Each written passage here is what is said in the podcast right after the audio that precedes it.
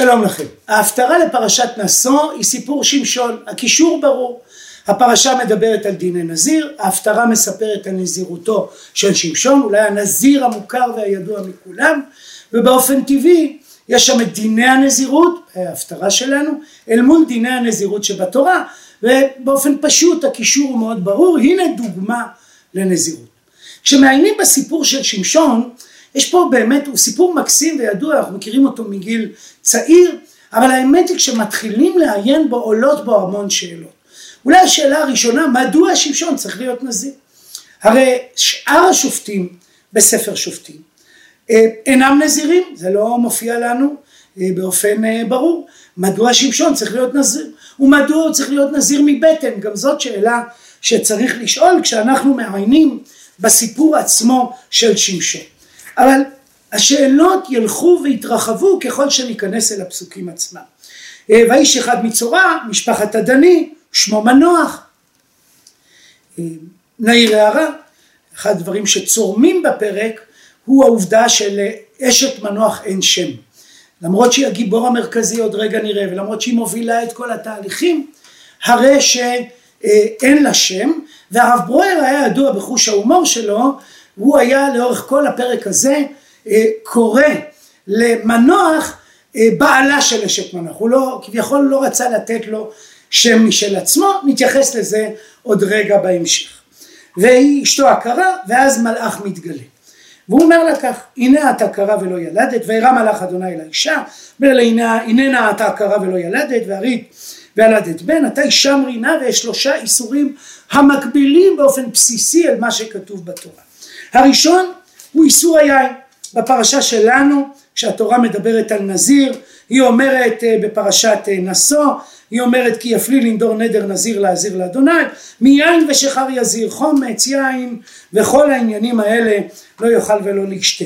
והנה כאן, ואתה אישה מרינה ואל תשתי יין ושחר, אה, הקבלה אחת. ההקבלה השנייה קשורה לטומאה, בפרשה, בפרשת נשוא, כתוב שאסור לו להיטמע.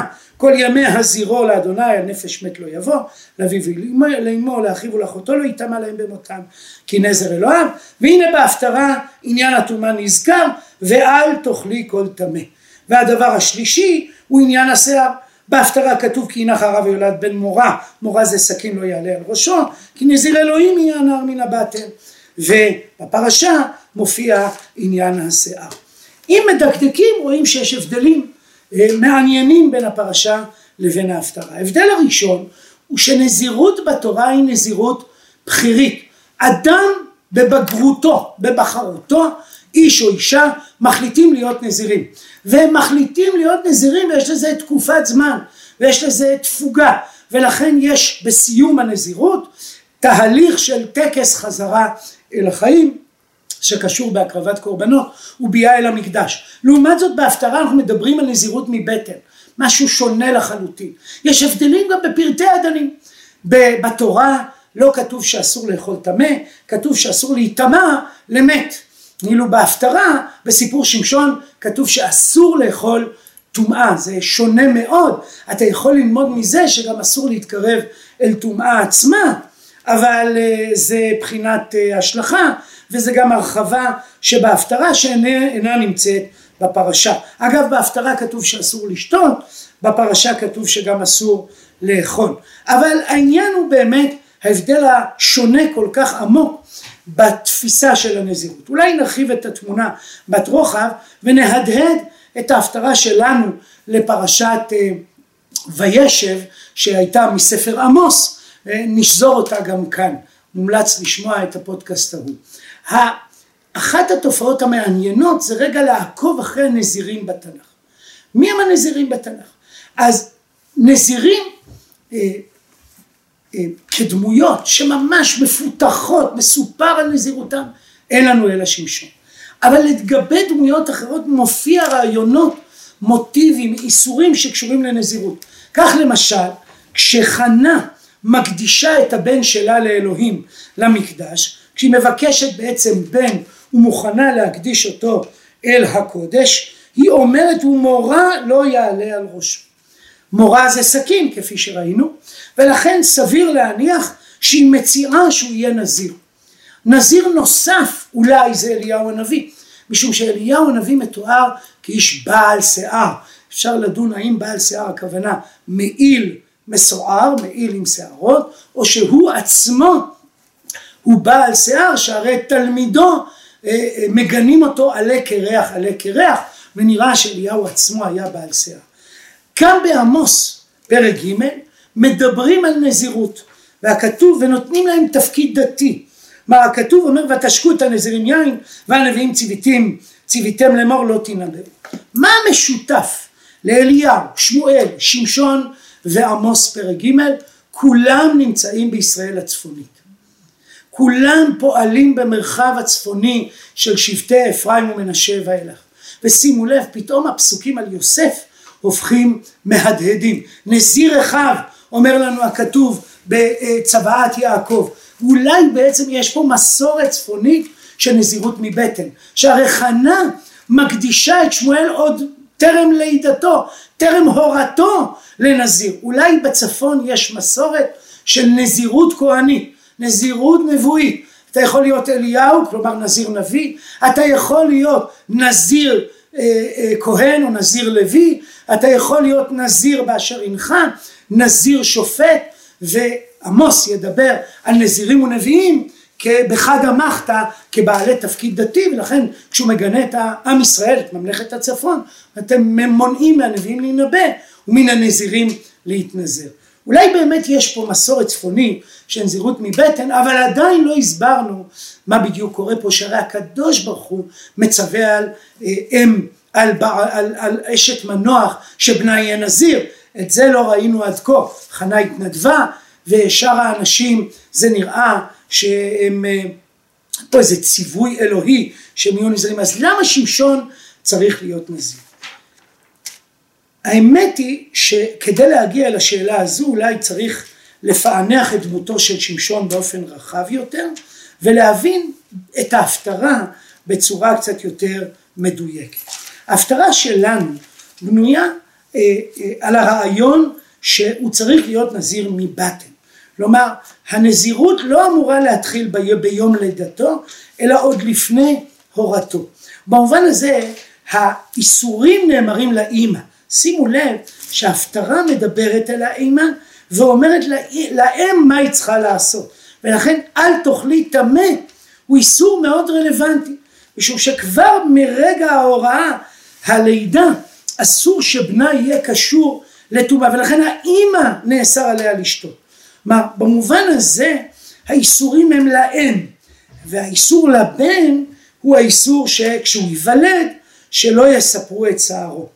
מה שיפה פה בסיפור הוא המתח שבין מנוח לבין אשתו והוא יעצים אולי את כל התמונה.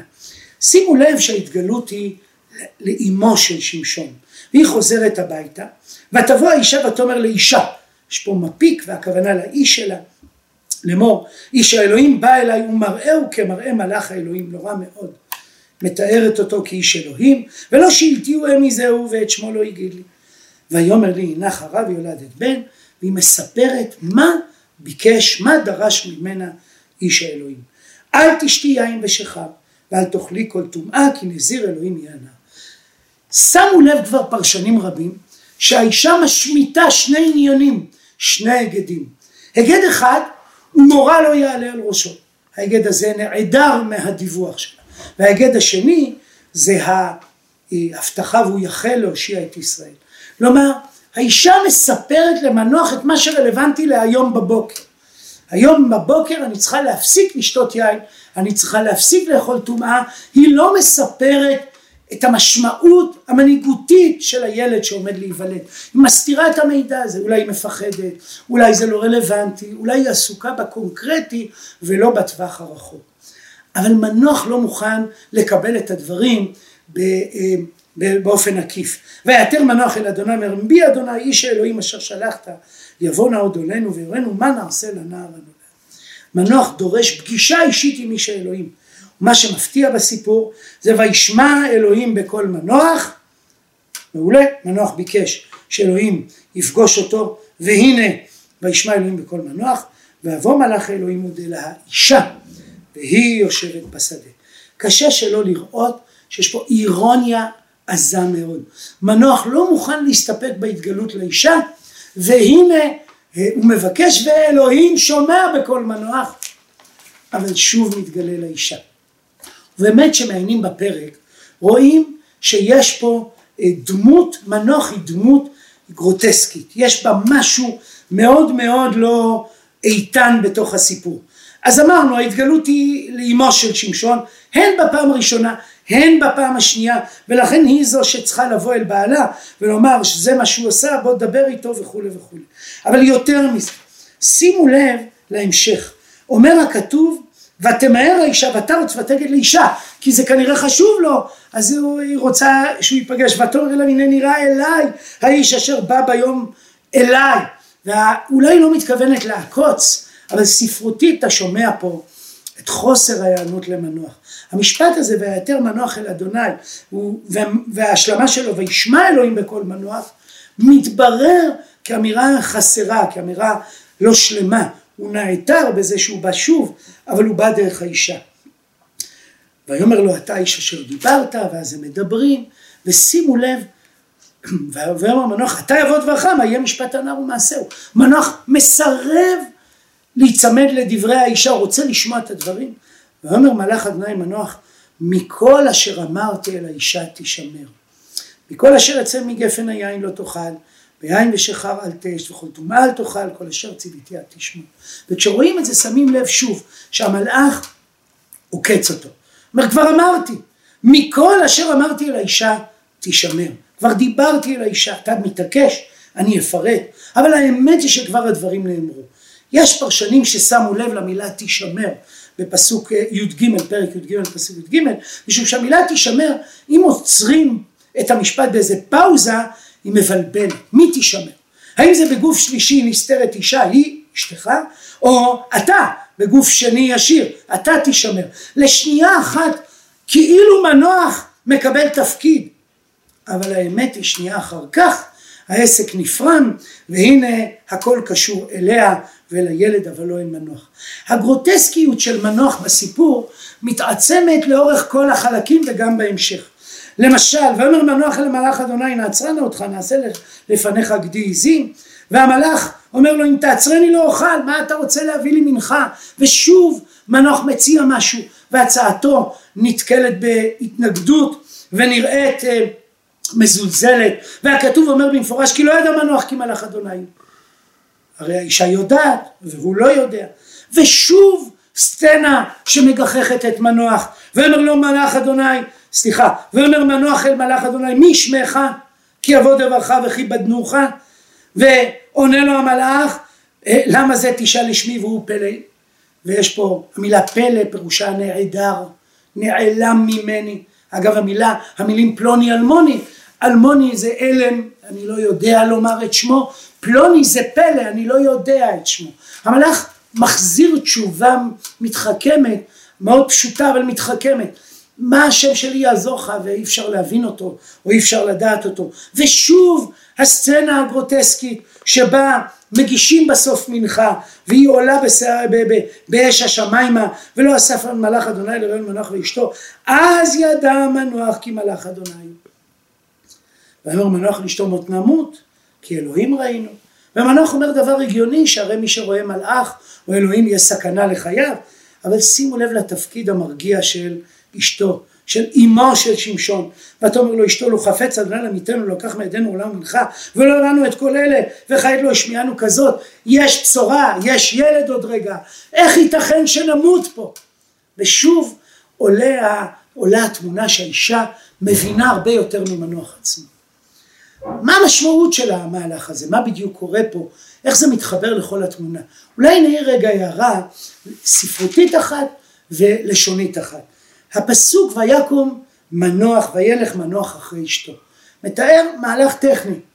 היא יודעת לאן להגיע והוא הולך אחריה. ספרותית אתה שומע פה את ההנהגה של האישה בתוך התמונה והייתי אומר את העובדה שמנוח נשרח אחריה. ולגבי אה, שם הבעל ואשתו. אחד התלמידים האהובים עליי, נתן עברון, שלמד פה בישיבה ועוסק הרבה במקרא היום, העיר בעיניי הערה נפלאה אה, ועמוקה. מה פירוש המילה מנוח? כשמסתכלים במגילת רות, אומרת נעמי לרות, הלא צריך לה מנוח, אה, והכוונה למצוא לה איש, למצוא לה בעל. גם בדברי נעמי לכלות שלה, אז היא אומרת, הלא תמצאנה מנוחה אישה בית אישה. משום מה בתנ"ך יש תפיסה שאחרי שאתה מתחתן אתה מגיע אל המנוחה ואל הנחלה. אני לא יודע, אני אה, לגבי אחרים אולי זה כך, אצלי זה קצת אחרת. אבל יש פה איזו תפיסה מעניינת, שהמילה מנוח היא ביטוי לנישואים, הבעל.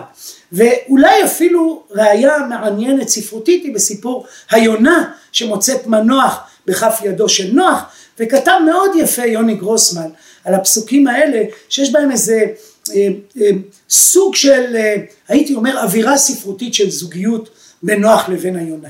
אם אני חוזר לעניין, אולי האירוניה היא גם בשם עצמו. איך קוראים למנוח?